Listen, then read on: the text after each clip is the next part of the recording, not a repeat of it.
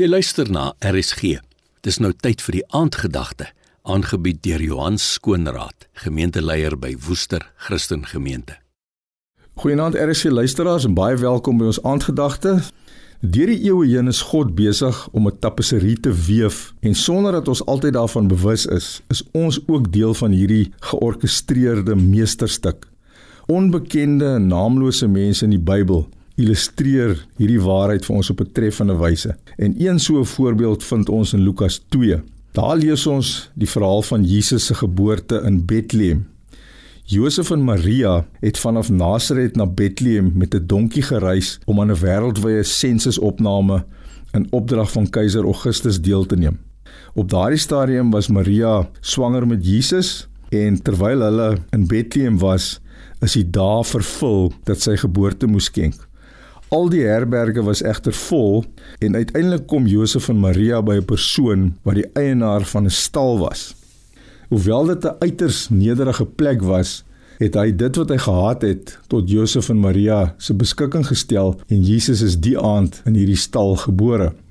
Nou hierdie eenvoudige dog bekende verhaal kry ewe skielik nuwe betekenis as ons daarop let dat die profeet Micha wat 8 eeue voor Christus geleef het, toe reeds geprofeteer het dat Jesus in Bethlehem gebore sou word. Die eienaar van die stal waarin Jesus gebore is, se naam word nêrens in die Bybel vermeld nie. Tog was hy instrumenteel daarin dat 'n 8 eeue oue profesie in vervulling gegaan het. Die naam Bethlehem beteken huis van brood. So Jesus, die brood van die lewe, is in Bethlehem, die huis van brood, gebore. En die naamlose eienaar van hierdie stal was instrumenteel daarin en hy vorm deel van God se georkestreerde meesterstuk. Talle Christene bevind hulle self vandag in dieselfde rol as hierdie naamlose eienaar van die stal.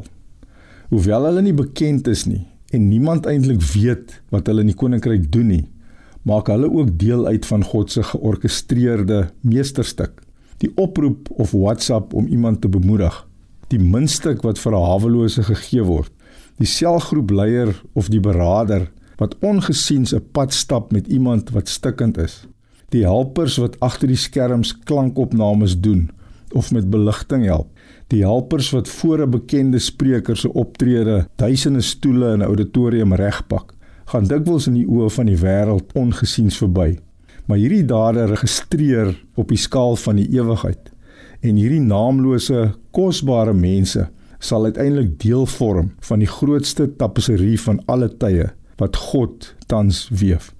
Dankie vir wat jy dikwels ongesiens in die koninkryk doen. Die Here seën jou. Dit was die aandgedagte, aangebied deur Johan Skoonraad, gemeenteleier by Woester Christen Gemeente.